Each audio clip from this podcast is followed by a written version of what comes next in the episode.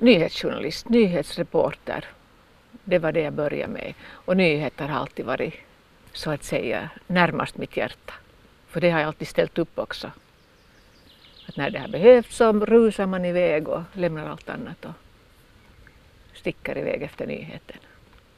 Var det så att du hade bestämt dig i ett tidigt skede att, att det är det du kommer att jobba med? Och det var just det vad jag inte hade gjort.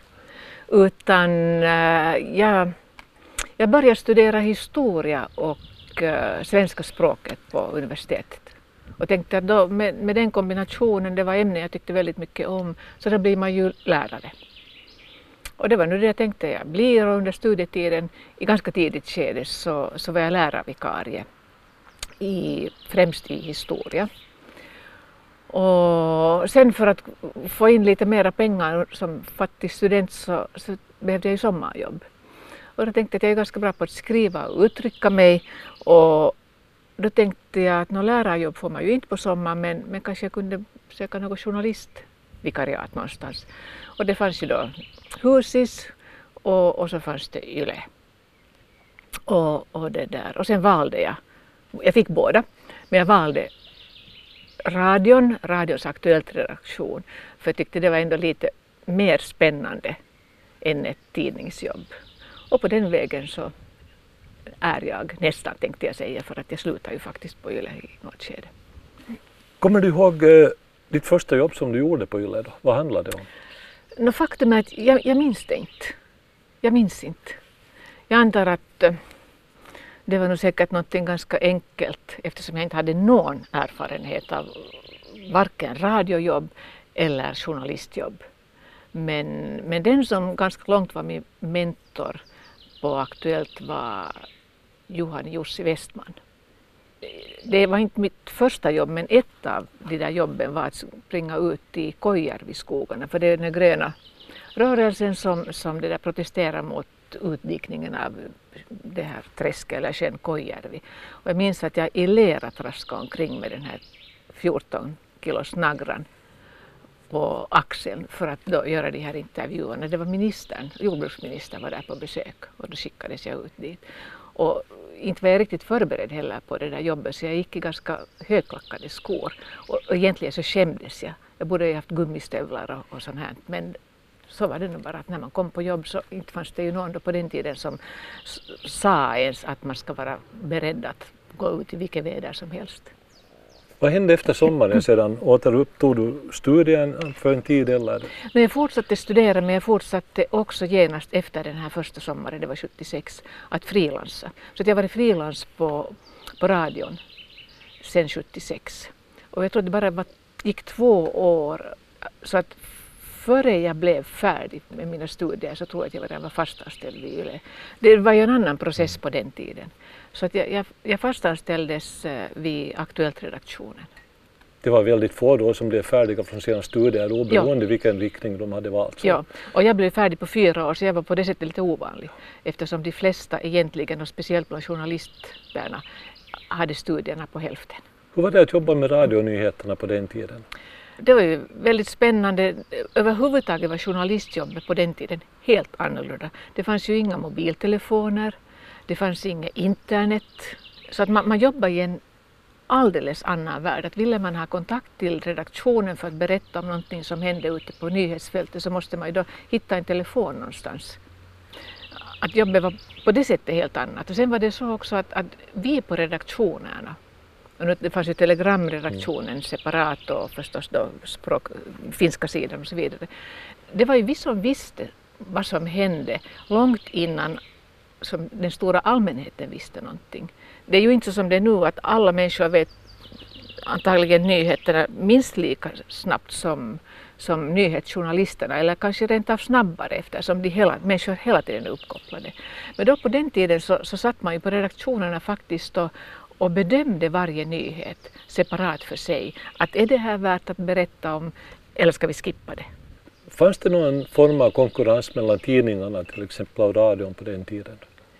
Jag upplevde det nog som väldigt liten den konkurrensen. Att vi liksom levde i skilda världar. Att radion hade sitt eget stuk och, och sen var det tidningarna, pressen, hade sin egna roll. Men så småningom så, så flyttade du över till tv-sidan. Hur, hur gick den processen till? No, då hade ju redan eh, radionyheterna flyttat från Kaserntorget fysiskt ut till Böle. Och då hade jag jobbat eh, så pass många år att jag tyckte att jag liksom ville få nya utmaningar. Att det där med radiojobbet så kunde jag. Det, liksom, det började kännas, inte tre men ändå att nu är det dags att göra någonting annat. Så att jag sökte sen ett vikariat på TV-nytt. Nyheter var ju det som jag ville mm. jobba med. Ja, så jag sökte ett moderskapsvikariat på TV-nytt och på den vägen blev det. Där blev jag också sen ganska hastigt fastanställd, eller flyttade min, min anställning från radion till, till TV-nytt. Det fanns ju den här sändningen klockan 18 som ju var en klassiker, det vill säga TV-nytt klockan 18. Sen blev det 18.15 och sen började det ju hända saker på, på YLE, men, men det där det var spännande och intressanta tider för att uh, dels är ju att jobba med både bild och ljud någonting helt annat än att bara jobba med ljud. Och, och det där, man fick se på, på nyhetsflödet ur en annan synvinkel. Och då var svenska nyheterna, TV-nyheterna, de var inne i den finska världen för att det fanns ju bara två kanaler. Det fanns ju inte ens MTV på den tiden ännu antagligen. Det fanns det inte. Det, eh, alltså MTV fanns ganska, alltså MTVs nyhetssändning började ju på 80-talet. Så att ungefär samtidigt då när jag flyttade över så då, började, då byggde de upp sin egen, sin egen sändning som ju framförallt tävlade med, med finska TV-uutiset. Mm. Men TV-nytt var inne i, i de finska kanalerna både i TV1 och TV2. Lite beroende på om det var veckoslutssändning och kvällssändning. Måndagar till exempel så, så sändes TV-nytt i TV2. Och det, där, det betyder att, att vi hade mycket finska tittare. Så att jag hör ju till de här som tycker att det var en helt bra lösning att ha det på det sättet att, att finska tittare fick så att säga ett naturligt språkbad mm. genom att titta på, på svenska sändningar. Det fanns ju också andra sändningar på svenska än, än nyhetssändningarna, det vill säga TV-nytt. Och det hände ganska ofta, ska, ska säga ända fram 80-talet, hela 90-talet, fram till 2001 då, då den svenska kanalen uppstod, den digitala kanalen, så, så fick vi ganska mycket kontakt telefonledes och brevledes av finskspråkiga tittare. Och det kunde till exempel vara någon tittare från Kuopio som ringer och ber om ursäkt för att jag talar finska men ville kolla att uppfatta jag rätt att ni berättar i TV-nytt så här och så här. Och då kunde det vara till exempel något inslag som handlar om medicinsk forskning om MS-sjukdomen eller om Alzheimer som börjar komma mera och mera på tapeten då vid de där åren. Så, så folk tog kontakt med oss. Och, och, det där. och om jag skulle säga så där vad gäller tittarsiffror så var det vanligt att vi till exempel på TV-nytt på veckosluten hade 100 till 150 000 tittare. Nu, jag vet inte exakt hur de där tittarsiffrorna ser ut men det är en bråkdel av vad det var då när, när sändningarna fanns inne i de här finska kanalerna. Så att eh, det var ingen hemlighet för ledningen att jag tyckte så här att vi borde stanna kvar. Och trots att, att de svenska programmen fick en egen kanal så tycker jag att nyhetssändningen borde ha stannat kvar som ett fönster i det finska. Jag tror inte egentligen att det var så, så stort motstånd från, från finska sidan utan det var mera äh, svenska enheten som så att säga äh, motsatte sig det här. För det måste man ju komma ihåg att, att det var ju eh, egna beslut från svenska enheten att lägga ner till exempel Kvällsnytt. Det var svenska enhetens beslut att äh, lägga ner Morgonnytt. Att det, var, det var inte beslut som finska sidan gjorde. Det här måste man ju komma ihåg och det där talades det ganska lite om. Om du tänker på själva nyhetsarbetet så vilka var de största skillnaderna när du flyttar sedan från, från radion till televisionen? Förutom att bilden kommer med naturligtvis, men fanns det andra saker som, som inverkade? Jag började ganska snabbt jobba som programledare eller nyhetsuppläsare som det på den tiden hette. Nu är det mera programledare. Eh, för mig var det där ju helt nytt. Jag hade ju dragit sändningar i, i radion så jag var ju på det sättet som van att prata ut nyhetssändningar. Men, men att samtidigt hålla liksom minen och hela sig själv i schack så att säga. Så det var ju en utmaning. Och sen kom det ju sånt som att man måste klä sig mm. på ett visst sätt och håret måste se ut på ett visst sätt. Och, eller inte måste, men att det måste se någorlunda prydligt ut. Och då när jag började på, i mitten av 80-talet så fanns det ju inga stylister. Det var knappt så det fanns, fanns någon som fick, ja, det, det, vi fixade maken själv. Att det var ju ganska oproffsigt egentligen. Att det kom först någon gång där i mitten av 90-talet. Mm. Och, och, och klädstyling har kommit in, jag säger först ungefär på, rikt, på allvar, på riktigt för kanske tio år sedan. Att I något skede var det så att man fick en liten, liten, liten summa pengar för att köpa kläder men då gjorde man det helt enligt sitt eget, sin egen smak. En stor del av de kläder jag hade, speciellt de här första tio åren då jag jobbade på TV, så var ju de facto egna kläder. Och jag kan inte säga att jag alla gånger var väldigt lycklig över att ha massvis med kavajer hemma i mitt klädskåp. Jag tror de hänger ännu i mitt skåp, klädskåp här på, på det där, i mitt Skåldehem. Men det där, och en del så gick sen till cirkulation. Sen när, när det satte igång på riktigt så, så som det nu är så är det ju stylister som, som skaffar dem och så använder man dem med tid och så går de tillbaka. Men det fanns ingen som coachade dig när du började utan Nej. det var rakt in i studion? Ingen. Nej, det var, det var nog faktiskt rakt in i studion och man började med att med mycket bankande hjärta eh, läsa ut en eh, kvällssändning, en fem minuters kvällsnytt. Och jag tror att, att det där, jag var helt övertygad om att mitt hjärta bankade så mycket att det hördes ut i, i, i allas hem som hade TVn på. Men det där, eh, ja, sen så småningom så var det mm. mig vid det. Och sen började jag tycka om det och ja, så, så var det. Vilka egenskaper ska man ha för att klara av ett sådant jobb? Man ska egentligen inte alls tänka på sig själv.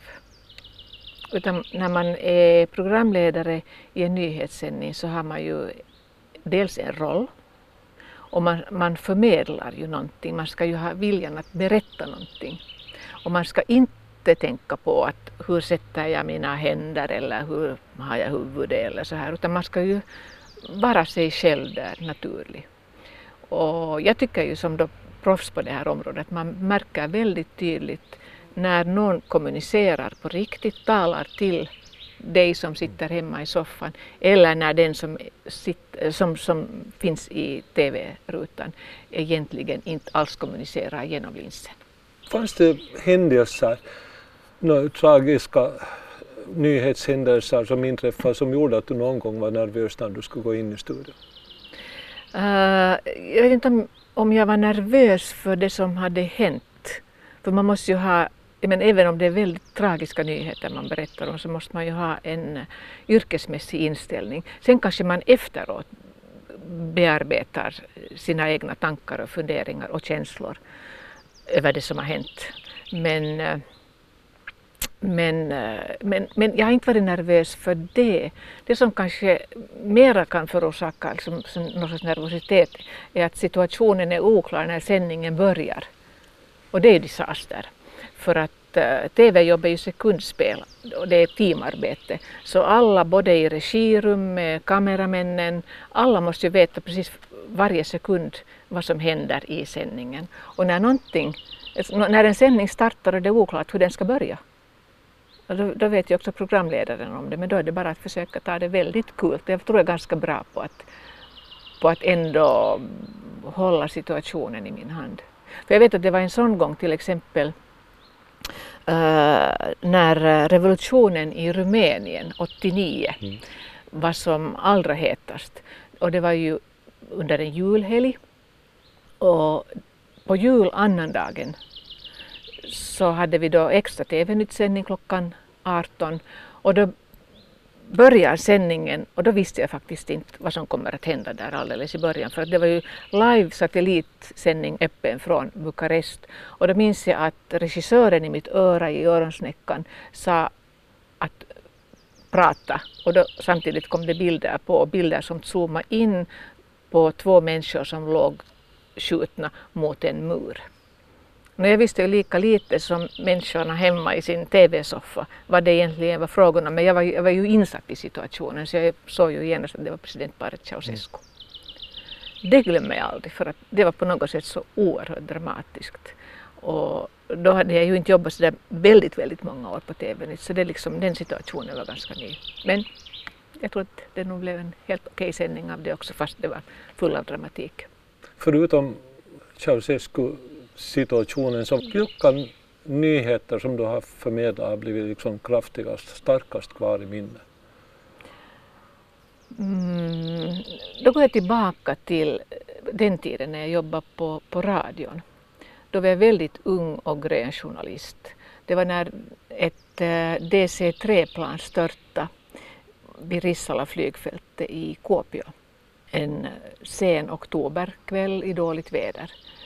Och eh, då blev jag uppringd sent på kvällen, 11-12 tiden och ombedd att fara dit. Och jag hade 20 mark, det var mark på den tiden, pengar på mig. Så att det slutade sen med att, att ett fotografteam och Arvi Lind från, alltså från TV Uutiset, mm. finska TV-nyheterna, plockade upp mig och så får vi tillsammans i en taxi till ett litet plan som, som Yle hade hyrt åt oss. Och då visste vi ju inte vad som, hur, hurdan situationen är i Kuopio. Sen visade det sig att det där planet hade störtat i en sjö så det var inte mycket slimsor så att man mm. säger drastiskt på, på marken men, men det där.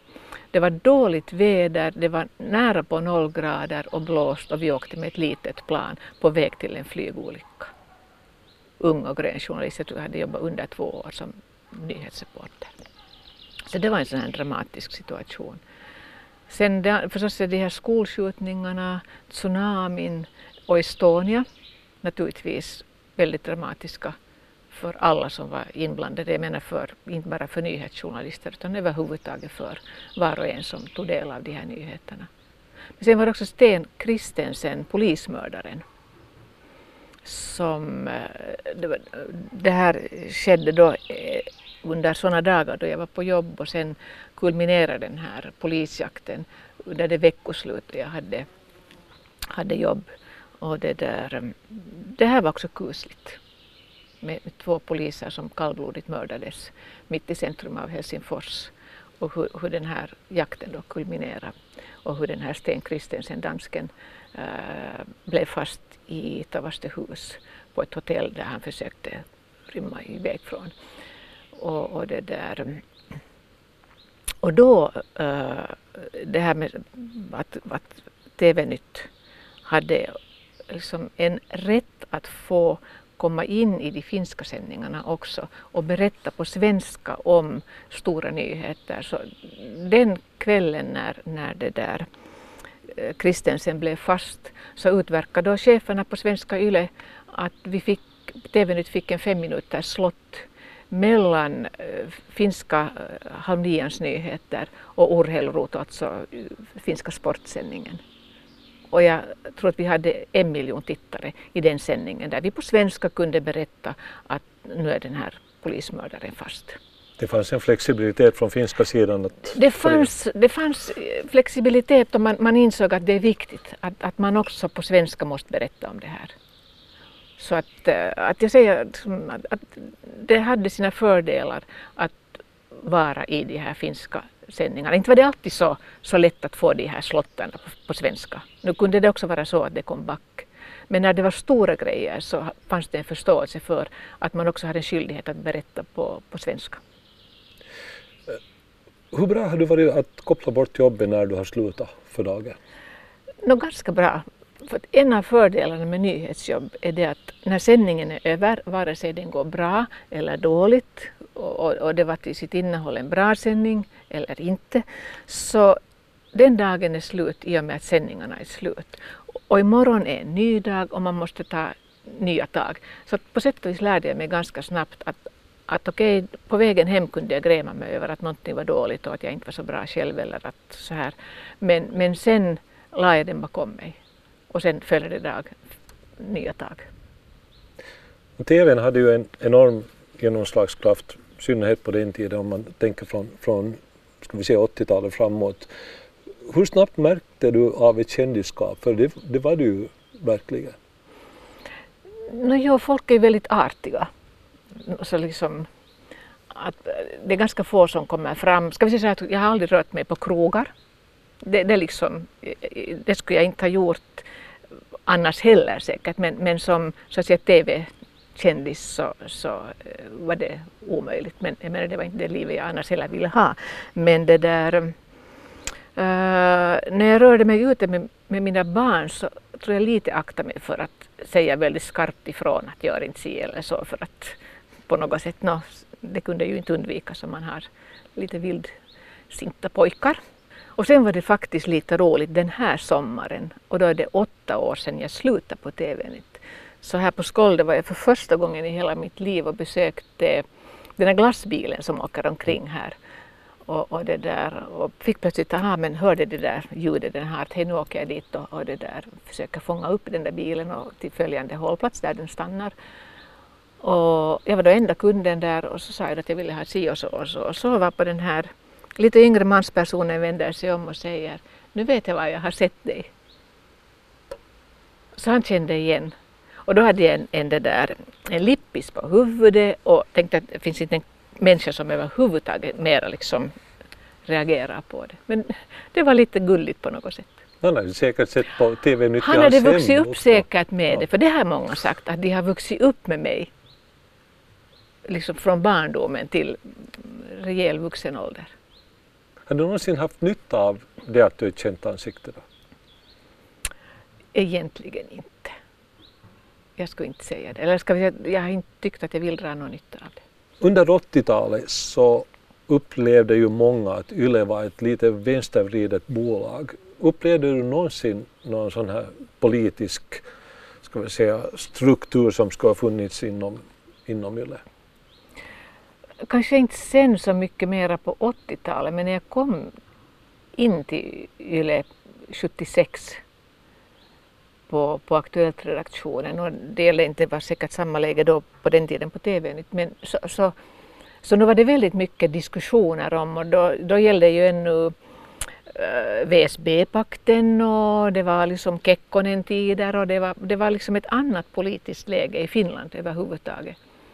Så att visst var det ju mycket diskussioner om och kring det här men, men det där, jag har aldrig själv upplevt att någon skulle ha på något sätt försökt påverka det jag har gjort. Under de år som du var anställd på YLE, det blev 36 år mm. totalt, ja. så genomgick ju också svenska YLE massa, massa organisationsreformer. YLE var ju kända för alla organisationsreformer. Hur upplevde du dem? Hade de någon inverkan alls på, på nyhetsverksamheten? Eh, uh, jo, visst hade det ju stor inverkan på nyhetsverksamheten. Dels var det ju så att sändningstiderna uh, flyttades från 18 till 18.15 till 19.30. Det skulle, I något skede var sändningen 45 minuter lång och så var den 30 minuter lång och så hade man 10 minuter kvällsnytt och så hade man plötsligt 5 minuter kvällsnytt tillbaka till det här ursprungsformatet. Sen plötsligt fanns det inget kvällsnytt kvar överhuvudtaget. Så visst skedde det en massa på, på grund av sparåtgärder. Mm. Och det var ju då jag själv började tycka att det inte mera är så jätteroligt att jobba när man mera avvecklar än utvecklar. Och det var ju då jag också själv önskade gå tillbaka till, till verkstadsgolvet från att ha varit chef. Att det liksom, jag tyckte inte att, att det fanns så hemskt stora möjligheter att, att utveckla väldigt mycket när man hela tiden skulle spara. Kommer du ihåg några situationer som var sådana överraskningar i studion? Jag kommer ihåg en och det var när det var någon, någon glasgrej bakom det som plötsligt i sändningen faller ner. Ja. Och du fortsätter att läsa som om ingenting ska ha hänt. Det här hör till, till, för mig som de här pinsamma situationerna. Och jag minns väldigt väl, det var en nyårsdag. Jag var fullständigt nykter så som man ju är när man är på jobb. Men äh, mitt under sändningen följde en plexiglasvägg som helt enkelt gick av på mitten och det var ett otroligt kollande i studion. Och, och, det där. och så såg jag, liksom, när jag samtidigt tittar in i, i kameran och berättar en väldigt tragisk historia om äh, bomb äh, anfall i Sarajevo mm. som döda flera barn i en park. Så det var alltså inte läge för att dra på smilband överhuvudtaget. Men samtidigt ser jag liksom i ögonvrån hur mina båda kameramän liksom håller händerna för ansiktet och jag uppfattar som att de liksom håller på att gapskratta ljudlöst. Och min tanke var bara att hur ser det månntro ut bakom mig? För jag kunde ju inte titta bakåt och titta hur det ser ut med den här kulissen. Och, och det där till slut, i slutet av den här nyheten, så, så började jag faktiskt fnissa. Och det var så jättepinsamt, det var så fruktansvärt pinsamt att det är det värsta jag någonsin har varit med om i hela mitt liv. Jag var beredd efter sändningen att nu säger jag upp mig, att, att så här får man inte liksom tappa masken. Och speciellt inte när det handlar om en så fruktansvärt tragisk nyhet. Det var kombinationen som gjorde så, så knepigt för dig. Skulle det ha varit väderleksrapport eller ja. någonting annat skulle ja. det ju inte ha haft någon betydelse. Ja. Men det var alltså en, det där, en plexiglas uh, kuliss som helt enkelt mm. gav efter. Och sen har nog allt fungerat för det mesta väldigt väl. Det som ju TV-nytt började med i ett ganska tidigt skede och före man gjorde det på finska sidan var att ta in direktintervjuer i sändningen och det där tyckte jag var väldigt, väldigt roligt. Och, och TV-nytt var ju på den tiden liksom före sin tid, före, åtminstone före i utvecklingen jämfört med, med kollegorna på finska sidan. Liksom vi vågade mer. Det var kanske lättare om, om man inte hade en press från miljontittare på sig. Vi, vi, vi på TV vågar man experimentera lite mer. Kanske berodde på det också att det var, det var en mindre organisation som var ja. mer flexibel än, än ja, finska sidan. Absolut, ja. Så det hade sina fördelar att vara en mindre redaktion, en, en, en liten så att säga i det där stora perspektivet. Yle Uutiset var ganska strikt och stelt, speciellt då på den tiden. Nu, nu har det ju utvecklats något helt annat. Jag, jag hyser stor beundran för den riktning de har gått. Men 2012 bestämde du dig för att, att sadla om. Du blev kommunikationschef på Svenska litteratursällskapet. Ja. Funderade du länge innan du tog det jobbet? Uh, jag hade kommit till en sån punkt att jag, jag var då 58 och ett halvt. Att om jag ska göra någonting annat i mitt yrkesliv, något andra jobb än att jobba med nyheter på YLE, så, så är det på tiden att jag gör det nu. Så så jag var helt liksom redo för det. Jag måste faktiskt säga att jag är nog väldigt, väldigt nöjd att jag tog det steget ut. Det, och konstatera då att det finns ett liv utanför det som man kallar Bölebunkern. Och, och, det där. Och, och, det gav mig nog väldigt mycket. Det gav mig en helt ny värld, ett, en ny inblick i, i det finlandssvenska. I hela den här fondvärlden som gör ett sagolikt viktigt jobb för både kultur, vetenskap och mycket annat i, i svensk Finland. Men det är stor omställning för dig rent så här psykologiskt att, att börja tänka i de termerna att nu, nu skulle du så att säga serva journalister och mediebranschen? Uh, nu, ganska, alltså nu är det ju ett helt annat, annat sätt att fungera på. Att, uh, jag, jag, kände ju den här nyhetsvärlden och journalister och, så här, så, så, och jag tror att jag hade ett ganska stort förtroende. Det var, så att jag, jag hade nog väldigt goda kontakter fortsättningsvis till uh, medievärlden. Och, och, det där, och jag tror inte att det var någon som tyckte att jag gör en massa propaganda för någonting. Och, och det där. Så att, um, i, det var sist och slutligen lättare än vad jag hade föreställt mig. Och, och, det där. och det var så att när jag lämnade en värld bakom mig så klev jag in i en annan och började liksom bygga upp den. Och, och, och på Svenska litteratursällskapet så gällde det att bygga upp eh, kommunikationsverksamheten. Och de hade ett jättebra team, mycket, mycket duktiga personer att jobba med och en väldigt flexibel organisation med framåtanda. Så att om folk tänker så här att Svenska litteratursällskapet att det är nu lite så här grå, inpyrd organisation så det stämde överhuvudtaget inte och det stämmer inte överhuvudtaget med verkligheten. Utan man, man såg framåt hela tiden, hur kan man utveckla det här med till exempel att digitalisera både arkivverksamheten, bokutgivningen och så vidare. Så, så den, den verksamheten kom ju igång under mina år där. Mm. Inte tack vare mig men, men det, liksom, så det hände väldigt mycket. Var det, var det största utmaningen just där som du sa att, att, att ändra på, på så att säga människornas bild av, av organisationen? No, nu var det ju en del av, av den, som, det uppdrag jag hade att, att ska vi säga, inte kanske ja, både ändra men överhuvudtaget att, att få ut som, ge ett ansikte åt eh, Svenska litteratursällskap så berätta att det finns en sån här organisation och vad den sysslar med och, och så här. För det var, det var ganska okänd de facto. Att om man gick ut på gatan och frågade gemene finlandssvensk så inte det sagt att så hemskt många kände till vad den egentligen sysslar med. Mm, kände du någon form av nyhetsabstinens efter att du hade slutat på, på TV? Jag menar det är ju ändå ett det, det, finns ju den här adrenalinkicken som många får av att det händer saker och ting och det, det, det är fart på och det ska liksom snabbt produceras någonting. Men kunde du så här bara klippa banden till allt? Det saknar jag lite, det här, just det som säger adrenalinkicken man får till exempel av stora direktsändningar. Det må sen vara valvakor eller slottsändningar där man jobbar ihop stora team och där liksom pulsen är här och nu. Så det saknar jag. Det kan jag fortfarande tycka att, att det är någonting av det mest fascinerande som finns, en stor direktsändning. Men eh, allt har sin tid kan man ju säga. Och sen att abstinens, nyheterna finns ju omkring en hela tiden. Det är ju inget problem, du får ju klicka i, fram en nyhet precis när du vill. De största förändringarna som du upplevde då när, när, när du ännu jobbade på YLE, så vilka skulle du säga att, att de var? Den absolut största ändringen var ju den här Eh, flytten från det analoga till digitala.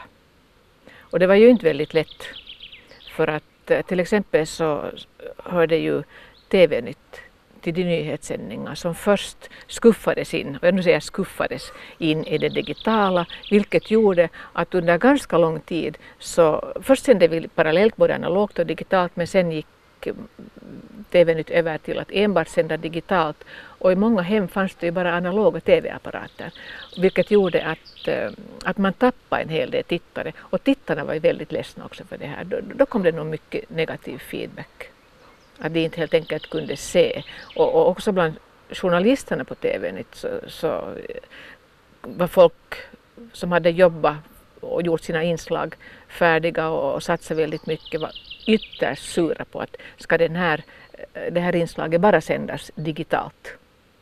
Så det var, nog, det var den tiden jag var chef, så det var nog en, en väldig balansgång. Samtidigt var det ju jättelärorikt att, att tackla de här situationerna, att hantera den här situationen. Men, men den, den förändringen var väldigt stor.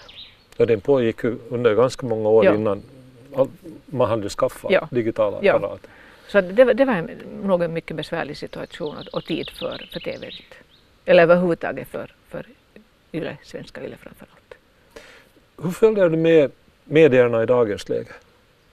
Jag, nu tittar jag ju, förstås jag tittar ganska mycket ännu på, på gammaldags äh, TV. Både Sveriges Television, förstås Yles kanaler jo, och TV-nytt, men, men också Sveriges Television. Aktuellt gör en jättefin sändning i, i SVT. Vi brukar titta på BBC och CNN nästan dagligen. Så det finns en nyhetsaddikt i det? Jo, men, men nu är det så att det är inte bara jag som är det utan också min man. Han är nästan vid det här laget tycker jag värre nyhetsberoende än vad jag är. Sen förstås nätet och sen är jag ju en, en, det där, jag, jag är en flitig radiolyssnare. Jag lyssnar mycket på radio uh, och det har jag alltid gjort. Hurdant liv lever du idag? Idag är jag glad pensionär. Jag, det där, jag tänkte så här när jag, det fanns ju en orsak till varför jag gick i pension och det var då att min, min, mitt då, då enda barnbarn och nu två barnbarn har föräldrar som jobbar skiftesjobb. Så jag visste att de behöver hjälp.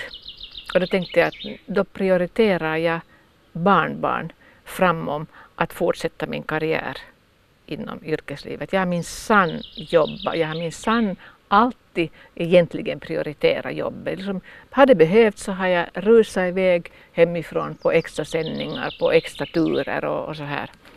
Men, men nu tänkte jag själviskt att nu gör jag det inte mera. Så att jag umgås mycket med mina barnbarn och det är mycket också så att de har sina egna sängar och så här hos oss. Och, och, det där. och sen tänkte jag också att vad är det som gör att finlandssvenskar sägs vara lyckliga och glada? Jo, de är aktiva i föreningar och de sjunger i kör. Jag har aldrig hela mitt liv tidigare sjungit i en kör, ju kanske i folkskolan i Ekenäs, skolkören. Så nu, numera är jag då aktiv i flera föreningar. Jag sjunger i en kör. Och, och det där, ja, så att jag, jag har ett ganska brett socialt umgänge som nu i och med coronan med en gång tog slut. Så liksom min kalender som var full faktiskt av alla möjliga, veckovis av allt möjligt, så plötsligt var det slut. Ja, jag tänkte precis fråga som följande, att på vilket sätt har corona inverkat på ditt liv? Jag har nu varit här i Skoldehemmet sedan ungefär slutet av mars eftersom jag ju har dubbelboende. Så, så nu har vi varit här väldigt mycket och, och det där, kunnat njuta av natur och på sätt och vis en sån här coronabubbla här på Skålde. Men, det där, men förstås saknar jag ju socialt umgänge. Vi har haft fira första maj med våra vänner via, via um, Zoom-möte och så här så på modernt vis alla hemma hos sig och, och det där och så hade vi så här två timmars första maj valborgsfirande. Men det där, jag har nog varit ganska bekymrad för det här coronaläget måste jag faktiskt säga. Att jag tycker det är en, en otäck sjukdom som man inte riktigt ännu på något sätt inser vidden av. Att det, blir man sjuk kan man bli väldigt sjuk. Många är ju rädda för den andra vågen. Vad ja, jag är också lite fundersam. Och, och det där, så att jag, jag ligger hellre lågt nu när det gäller socialt umgänge. Jag råkar se, ha nämligen en svärdotter som, som jobbar med coronapatienter. Så att, att det där och också min son kanske inte helt kan undvika dem. Så att det mm. där, ja, jag tycker man ska nog vara försiktig. Gunilla Löfstedt Söderholms motto i livet? Ja, äh, försök se positivt på det mesta. Och, och, och det, det där med att försöka vara positiv, det, det tror jag att har varit någon slags motto.